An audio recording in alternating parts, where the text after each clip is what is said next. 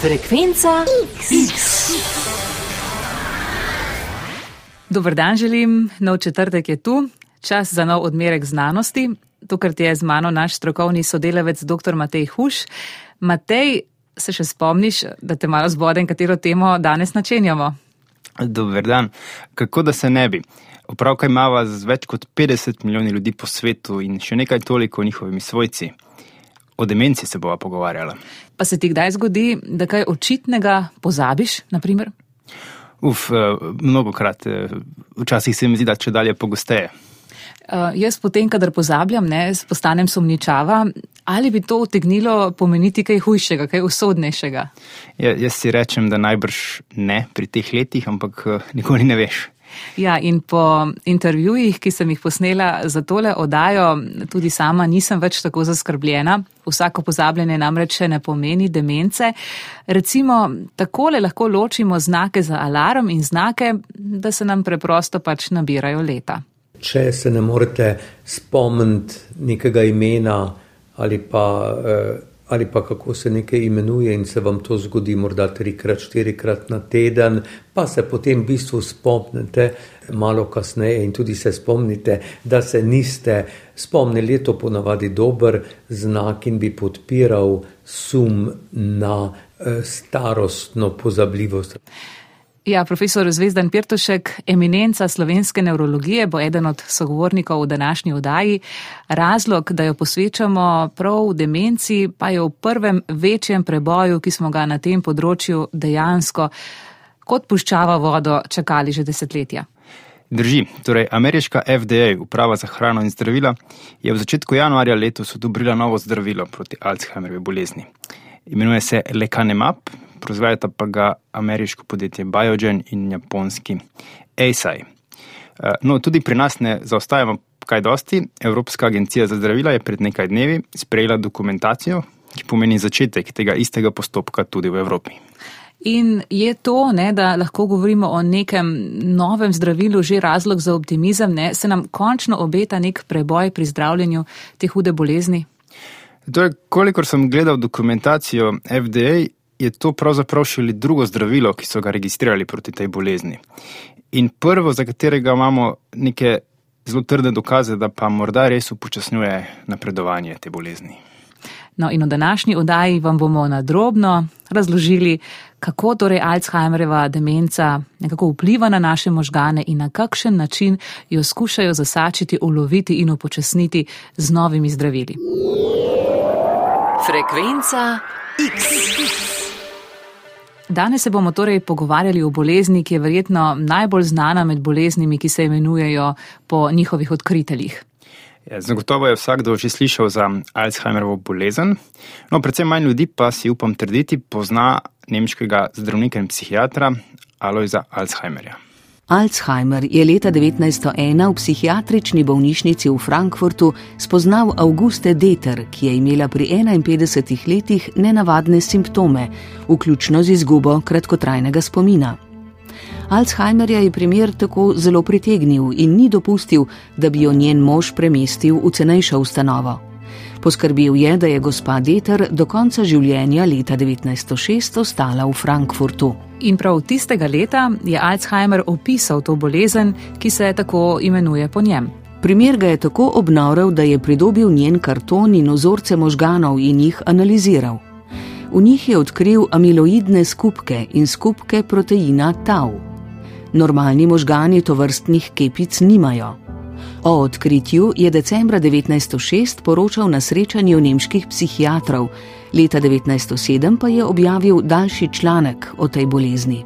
Profesorja Zvezdana Pirtoška, ki je predstojnik katedre za neurobiologijo na Ljubljanski medicinski fakulteti in dolgoletni predstojnik kliničnega oddelka za bolezni živčevja v Ljubljanskem UKC, sem ob tem prosila, da mi za začetek res na preprost in nazoren način opiše to bolezen. Se pri demenci v naši glavi pojavi kot neka praznina, ko ne vemo, kaj, o čem smo razmišljali malo prej, pa kaj želimo eh, zdaj, ali pa praznina, ko smo v nekem znanem eh, torej prostoru, na dvorišču, na trgu, pa potem ne vemo, kje smo, pa ali bi šli levo ali, ali pa eh, torej desno, če bi me seveda otrok vprašal o tem, kaj pa se dogaja v možganih, ne bi mu, bi mu rekel, da se začenjajo kupičiti neke takšne eh, neprijazne, hudobne snovi, ne, ki, eh, ki potem okvarijo delovanje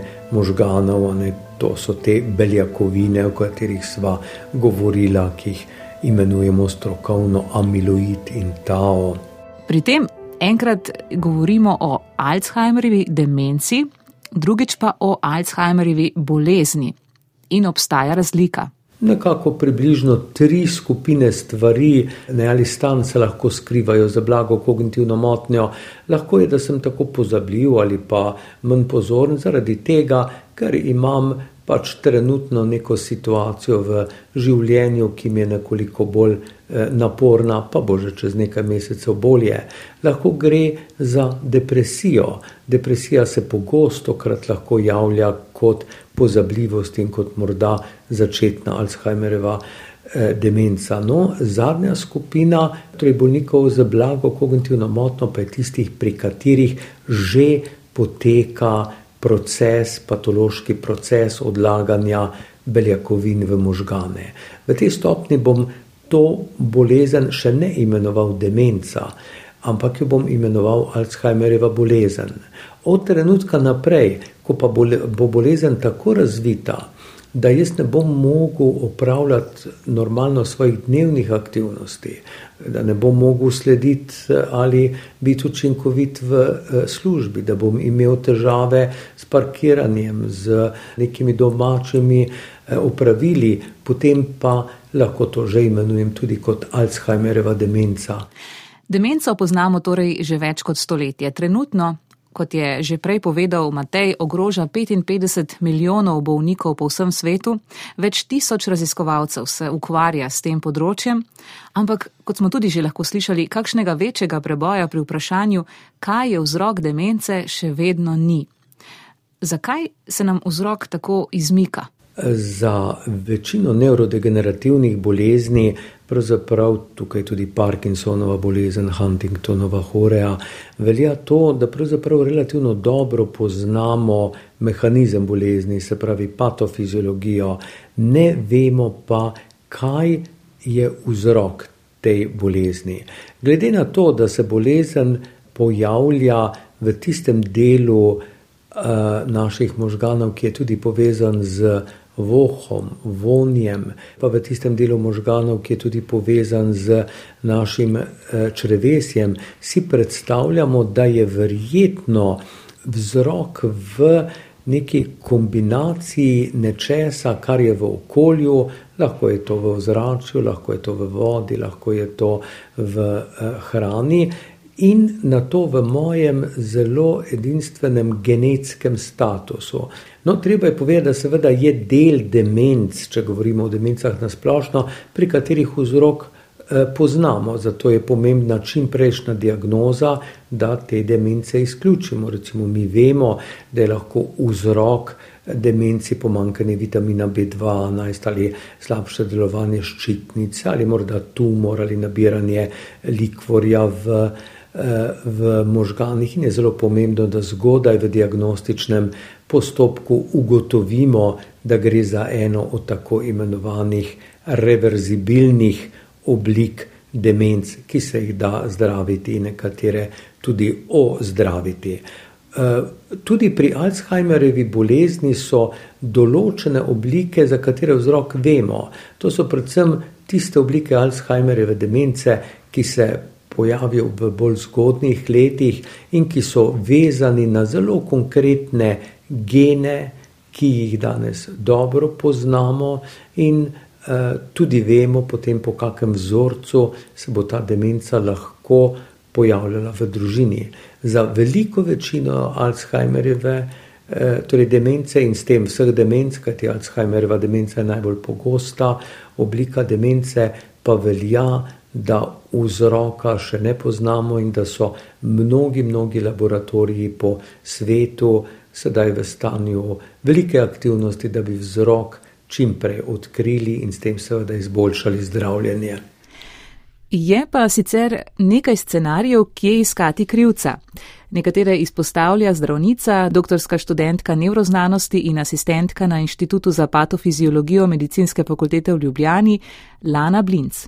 Zdaj, največ se govori ravno o amiloidni hipotezi oziroma hipotezi amiloidne kaskade, kjer pravzaprav je ideja, da iz um, izvorne beljakovine amiloida, po angliško amyloid precursor protein, z cepitvami na določenih mestih lahko nastanejo krajši odseki, ki se potem lahko združujejo v večje skupke, ki jim na koncu rečemo amiloid beta, ki lahko motijo in um, pravzaprav tudi škodujejo, ovirajo delovanje živčnih celic in potrujejo njihovemu propadu. Uh, kako točno do tega pride, ne vemo. Ravno tako ne vemo, um, kakšna je pravzaprav funkcija te izvorne beljakovine amiloida. Um, v prid hipotezi o amiloidni kaskadi govorijo nekateri poskusi na živalih pa celičnih linijah, kjer je kopičenje amiloida povezano z celično smrtjo oziroma vedenskimi odkloni, ki spominjajo na Alzheimerjevo bolezen pri ljudeh, pa tudi dejstvo, da se pravzaprav v nekaterih družinah, ki imajo mutacije, ki botrujejo povečanju, povečanju kopičenja amiloida beta, znaki Alzheimerjeve bolezni pojavijo prej kot pri splošni populaciji. Proti tej hipotezi pa, kot rečeno, torej, govori dejstvo, da niti pravzaprav ne vemo, kako škoduje nevronom, um, pa tudi, da amiloidno breme, torej količina amiloida v možganih ne korelira oziroma ne se opada nujno zelo dobro niti s prisotnostjo kognitivnega opada, niti z njegovim napredkom. Temeljni problem je pa to, da pravzaprav ta zdravila, um, torej učinkovine usmerjene v zmanjševanje amiloidnega bremena, zaenkrat še ne dajo takšnih rezultatov, kljub treh desetletjih, tako rekoč že preizkušen, ne dajo takšnih rezultatov, da bi zares lahko rekel, aha, amiloid in čisto nič drugega. Druga, predvsej pomembna teorija vključuje tako imenovano beljakovino tau, ki je v zdravih nevronih precej pomembna za uravnavanje delovanja celičnega ogrodja. Pri določenih kemijskih spremembah, ki se zgodijo iz še zaenkrat neznanih vzrokov, pa se lahko tudi ta beljakovina začne združevati v skupke, ki jim pravimo neurofibrilarne pentlje, ki lahko, spet še ne vemo kako, ampak lahko botrujejo propadu nevronov. Ta pravzaprav um, količina in razporeditev neurofibrilarnih pentelj bolje odraža napredek kognitivnega upada, ampak delno zaradi pozornosti, ki je bila usmerjena v amiloidno hipotezo, delno pa tudi zato, ker je ta nekoliko težja tarča. Še nimamo kliničnih preizkušenj zdravil, ki bi zavirala nastanek neurofibrilarnih pentel in torej tudi te hipoteze nismo še zares postavili na preizkušnjo. Potem so pa še ideje o tem, da bi lahko k nastanku Alzheimerjeve bolezni prispevalo unetje v možganih ali pa slabše delovanje mitohondrijev, torej tistih celičnih uh, energijskih tovaren, lahko tudi nekatere okužbe. Skratka, zelo veliko je idej, um, vse so vredne raziskovanja, ampak nekih zelo jasnih odgovorov pa zaenkrat žal še nimamo. In temu primerno so tudi doslej zdravili to bolezen. Nekaj o trenutnih zdravilih, ki so bila doslej v uporabi in so seveda vedno še. Vse doslej smo mi zdravili Alzheimerjevo bolezen, moram reči, z omejenim, bolj skromnim učinkom, na ta način, da smo zniževali nivo glutamata, nivo kemičnega, slabega kemičnega eh, prenašalca eh, glutamata z zdravilom, ki ga eh, poslušalci morda poznajo pod imenom memantin. Po drugi strani smo pa zdravili Alzheimerjevo bolezen tudi tako, da smo zviševali nivo drugega kemičnega prenašalca, ki ga je premalo, torej acetilholina, in ta zdravila se imenujejo inhibitorji acetilholinesteraze. Med njimi recimo so znana imena, kot so recimo Excelon, Pagalsija, pa Jasnal in podobno, kar nekaj jih je na tržišču. Matej, zdaj pa se ustaviva pri aktualnem preboju Torej, na kaj ciljajo ta nova zdravila, ki so se, kot rečeno, izkazala za vsaj malenkost obetavna? Zakaj so tako prebojna? Ta zdravila so pravzaprav monoklonska protitelesa. Torej, to so protitelesa, ki so vzgojena ali pa ustvarjena tako, da ciljajo amiloid beta. To so proteini, ki se začnejo pri bolnikih z Alzheimerjevo boleznijo zgoščevati v take netopne skupke in se kopičijo v možganjih. E, zakaj se to dogaja in kako točno to škoduje, še ni čisto jasno, obstaja pa korelacija. Torej, ljudje z Alzheimerjevo boleznijo imajo te skupke v možganjih. In to novo zdravilo je usmerjeno torej, prav proti tem protofibrilom, torej tem skupkom, ko so še čisto, čisto majhni, ko se začnejo tvoriti. Prvo zdravilo proti Alzheimerjevi bolezni, Aducanumab, je bilo v Združenih državah Amerike odobreno leta 2021. Šlo je za protitelesa proti tem že omenjenim skupkom, ki povzročajo težave v možganjih. Žal pa se je za to prvo zdravilo izpred dveh let, Aducanumab, izkazalo, eh, da ne daje posebej dobrih rezultatov. Morda je po začetku kopičenja teh skupkov možganjih že prepozno. Adukanumab je namreč ciljal že precej velike skupke, ko je bila bolezen že napredovana. In tukaj pride na vrsto drugo zdravilo, ki je še bolj obetavno, tako imenovani lekanemab, ki je zelo podoben in so ga odobrili torej v začetku letošnjega januarja. Tudi to so monoklonska protitelesa, a proti protofibrilom amiloida beta. Um, Matej, kaj sem ravno kar prebrala? Uh, ja, to so torej ti zelo majhni skupki, ki še niso imeli časa, da se zares povežejo in odebelijo, da se naložijo. Um, in morda je ravno zato lekanemap bolj obetavn z boljšimi rezultati.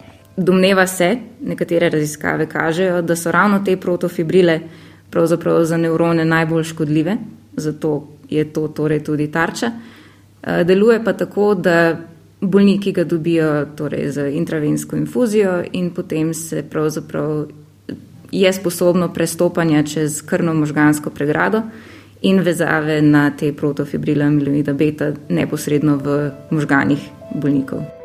V kliničnem preizkusu, o katerem so poročali v objavljeni študiji zdravila, je sodelovalo 1795 ljudi v starosti od 50 do 90 let. Od tega jih je polovica prejemala lekanemab, polovica pa placebo. Po 12 mesecih bistvenih razlik ni bilo, po 18 mesecih pa so jih že opazili. Skupina, ki je prejemala zdravilo, je imela 27 odstotkov nižji kognitivni upad in manj skupkov v možganih. To so zelo obetavni rezultati, na podlagi katerih sta proizvajalca pri Ameriški agenciji za hrano in zdravila uložila zahtevek za hitro registracijo novega zdravila. To sicer ne pomeni, da zdravilo zdravi Alzheimerjevo bolezen, jo pa vsaj z početka upočasnjuje. Ampak seveda to pa poraja tudi nekaj vprašanj, nekatere odgovore že imamo, na druge ne. Kaj točno pomeni ta 27-odstotni počasnejši upad kognitivnih sposobnosti? bodo ti ljudje zbolevali počasneje, bodo imeli več svetlih dni. Je to povprečje, pa bo pri nekaterih ljudeh učinek večji, pri drugih manjši. Ko rečem klinično izboljšanje, to ne pomeni, še vedno ne pomeni, da se bolnikovo stanje prične izboljševati. Niti to ne pomeni, da se bolnikovo stanje eh, stabilizira ali bolezen zaustavi. Učinek tega zdravila je tako, da se približno za 27% upočasni tisto pričakovano poslabšanje eh, bolezni. To lahko pomeni, recimo, da eh, bo človek dlje časa lahko samostojen, da bo lahko dlje časa recimo, torej vozil, eh, da bo dlje časa prepoznal domače, a ne govorimo o sicer manjšem učinku, ki pa je primerljiv z zdravilom nekaterih drugih težkih in nevarnih bolezni, kot so recimo amiotrofična lateralna skleroza ali nekatere vrste eh, torej karcinomov, ne kjer smo tudi s tem, da izboljšamo in ohranimo kvaliteto življenja za bolnika, tudi morda za leto, dve ali tri, se nam zdi tako zdravilo potem seveda vredno uporabiti. Drugo zelo pomembno vprašanje prinašajo ostala zdravila, ki niso bila uspešna. Lekanemab še zdaleč ni prvi poizkus zdraviti Alzheimerjevo bolezen s proti telesi, ki bi se vezala na skupke amiloida beta in jih po možnosti raztapljala, a so bila doslej ostala neuspešna. Zdi se logično, čim prej napademo bolezen, tem bolje se bo zdravljenje izteklo. Od tot pa do naslednjega koraka je v bistvu le še pol koraka. Ali lahko lekanemab deluje tudi preventivno? Nova zdravila, ki izplavljajo patološke beljakovine, so v študijah bila pokazana kot učinkovita, predvsem v najbolj zgodnih oblikah bolezni. V tistem, kar smo poimenovali blaga kognitivna motnja, se pravi, ko imamo mogoče minimalne spominske eh, torej težave ali morda težave poimenovanja, morda težave pozornosti, to je tisti trenutek, ko je to zdravilo dokazano učinkovito v eh, zmanjševanju upada. Eh, kar pa se tiče, da bi to zdravilo lahko bolezen preprečilo eh, preventivno, seveda mi poznamo, kot sem rekel, obliko Alzheimerjeve demence ali, ali pa bolezni, ki je predsimptomatska. Ta Eh, ta oblika poteka morda že 10-15 let, preden mi dobimo prve simptome, ne? in eh, da pričakovati je, da bi v tem primeru izplavljanje teh patoloških beljakovin lahko morda bolezen tudi preprečilo. Vendar, da bomo to lahko rekli, potrebujemo za to dobro načrtovane študije. Verjetno, Matej, eh, pa to nikakor ne bo pocenjane. Prvi podatki sicer za ZDA kažejo, da bi letna kura takšnega zdravila stala 26 tisoč dolarjev. Po osebi. To bo zanesljivo eden izmed pomembnih elementov odločanja. Glavni problem pri Alzheimerjevi demenci bo posebej zaradi tega, ker je to zdravilo učinkovito, kot se neko v zelo zgodnem obdobju ali celo presimptomatsko, preden se pojavijo, eh, eh, torej simptomi bo seveda izjemno veliko število kandidatov za to zdravilo. To bo predstavljalo izziv tako medicini, ki bo morala naenkrat eh, zdaj postati zelo natančna v svoji diagnozi, se pravi, sedaj bo izziv dobiti hitrejše teste, enostavnejše, morda iz krvi, ne iz eh, likvorja. Ne, to bo pomembno, in potem bo pa seveda pred družbo, glede na njeno Eh, humanost, glede na njeno opredelitev, kaj so prioritete eh, družbe, seveda bo pa en tak konsens, en tak dogovor, kateri ljudje, ki imajo amiloid in že morda neke spremembe v možganih, bodo to zdravilo dobili. Ob tem ne moremo spregledati nekaj smrti. Lekanemap je proti telo proti proteinu, ki se pri ljudeh pojavlja naravno in ima tudi zato lahko resne stranske učinke. Za zdaj preučujejo dva primera smrti. V kliničnem preizkusu je moralo sedem odstotkov ljudi prenehati jemati zdravilo, ker so se pojavili tudi stranski učinki, naprimer možganske krvavitve in pa otekanje možganov.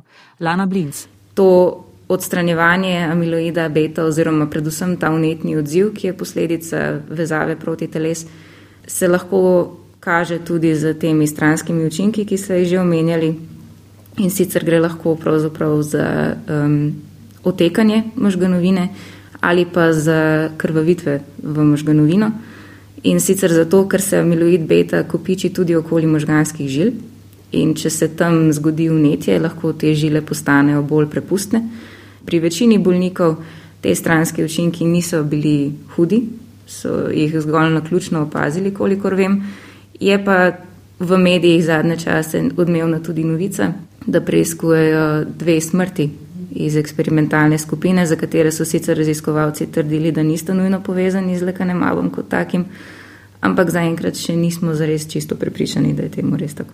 Ja, odgovor torej še zdaleč ni enoznačen, ampak če vendarle potegnemo črto pod vse povedano, za vsemi preboji in obenem tudi stranskimi učinki, smo lahko optimisti?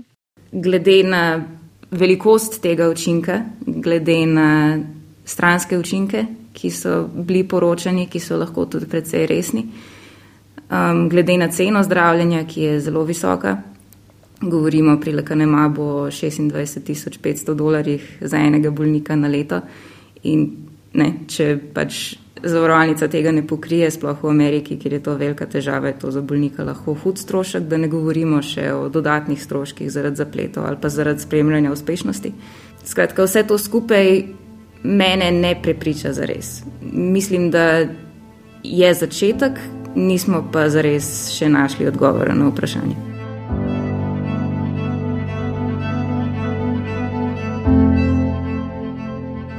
Zaradi Alzheimerjeve bolezni trpi 55 milijonov ljudi na svetu, do leta 2050 pa naj bi jih bilo več kot 139 milijonov.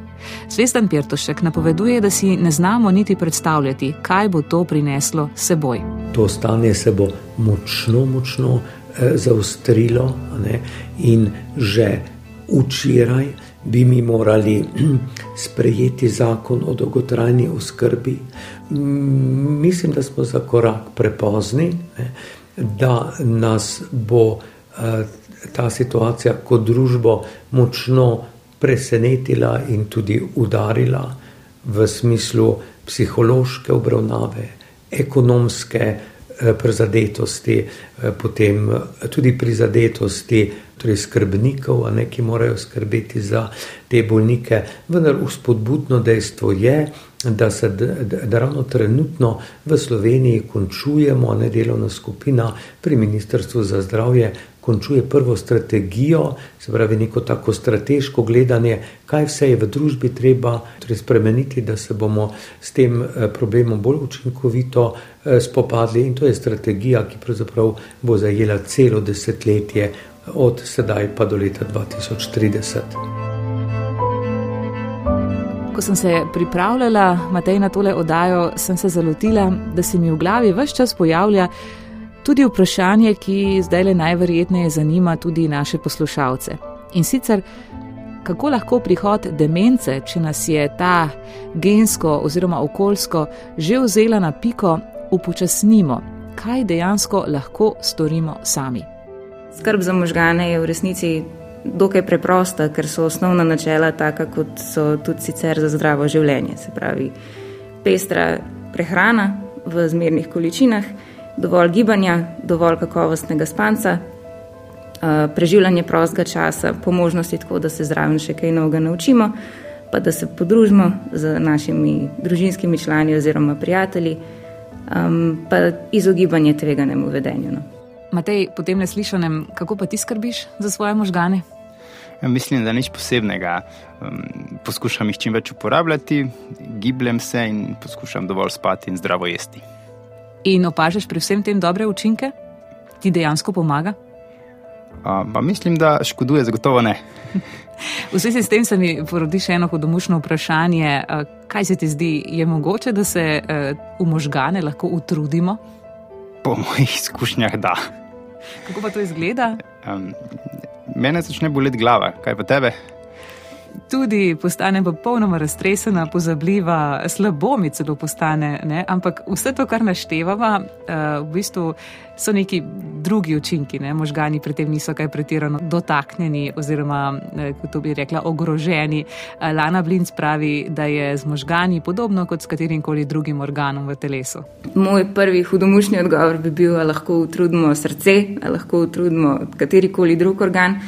Šolski odgovor bi bil, da utrujenost je pač neka kompleksna lastnost, ki je značilna ne za posamezen organ, ampak za organizem kot celoto.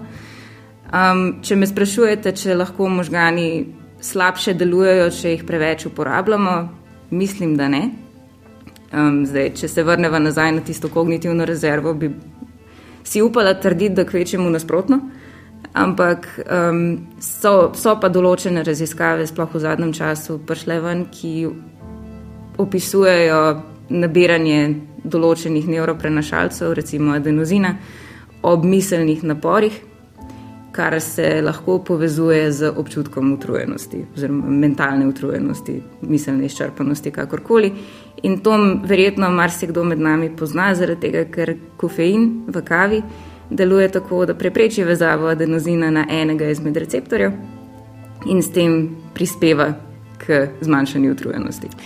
Ja, torej, možgane smete uporabljati brez skrbi, pretiravanje v umskih aktivnostih, eh, po ravno kar slišanem, ne škodi. In tole frekvenco si lahko predvajate, koliko krat želite. Nimamo neprijetnih stranskih učinkov, sploh prihodnič bomo na vas dejansko učinkovali blago, pomirjevalno. Dan za kulturnim praznikom bomo namreč raziskovali povezavo med znanostjo in poezijo. V smislu frekvenca, sekvenca, Konsekvenca, prezenca delikvenca in insolvenca. in pa še tale namik. Beremo sonet o e-kolesih, ki ga je napisala umetna gospa, umetna inteligenca v stilu gospoda Šekspira, gre pa takole. O e-kolesa, kako se vrtijo vaša kolesa? Z napajanjem iz majhne in lahke baterije, ti si čudež sodobnega sorodstva, način prevoza, ki je čist in svetov. Ok, nadaljujemo pa prihodnič. Danes sem bila z vami dr. Matej Huš z Kemijskega inštituta in Maja Ratej. Najna gosta sta bila zdravnica in urednica na portalu Zdrava glava Lana Blinc z Inštituta za patofiziologijo na Medicinski fakulteti v Ljubljani in pa nevrolog dr. Zvezdan Pirtušek, predstojnik katedre za nevrologijo na Ljubljanski medicinski fakulteti in dolgoletni predstojnik kliničnega oddelka za bolezni živčevja v Ljubljanskem UKC. Srečno in na zdrave možgane. Pa ne pozabite na nas.